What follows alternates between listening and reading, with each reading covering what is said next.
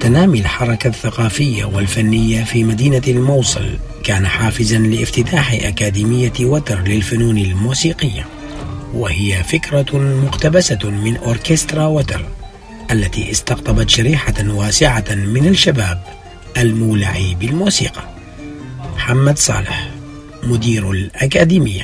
فكرة الأكاديمية هي أنه استقطاب مواهب شابة تنضم لهاي الأكاديمية تدخل بقالب تدريبي أو كورسات أكاديمية من دراسة النوتة الموسيقية من دراسة تكنولوجيا الموسيقى من خلال دراسة تاريخ الموسيقى لرفض هذه الأوركسترا أيضا.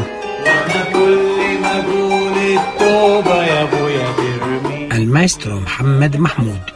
أخذ على عاتقه تدريب طلاب الأكاديمية بالعزف على مختلف الآلات الموسيقية الشرقية والغربية التي تنوعت ما بين الكمان والعود والقانون والناي والإيقاع والأورك المساند للأوركسترا.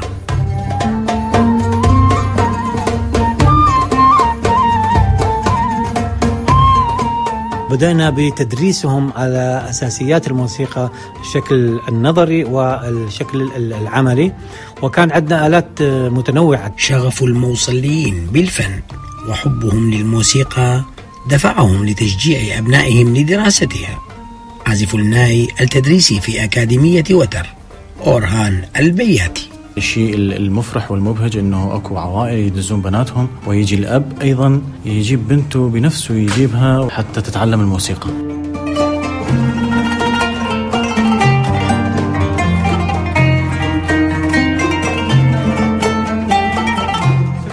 دنيا مخلص الطالبة في كلية طب الأسنان والمهندسة عبير منهل تواظبان على التدريبات الموسيقية بعد إجادتهن العزف على آلة الكمان وانضمامهن لأوركسترا وتر طب أسنان هو مجال مختلف تماما عن الموسيقى.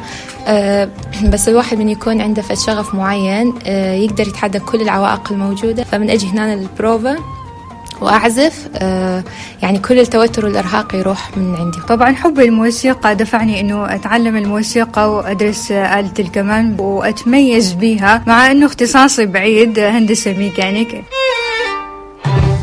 الدراسة الأكاديمية للموسيقى في الموصل ستساهم في صقل العديد من المواهب الفنية وإعداد جيل متميز من العازفين. أيمن الأسعد الموصل. Monte Carlo 2 litri.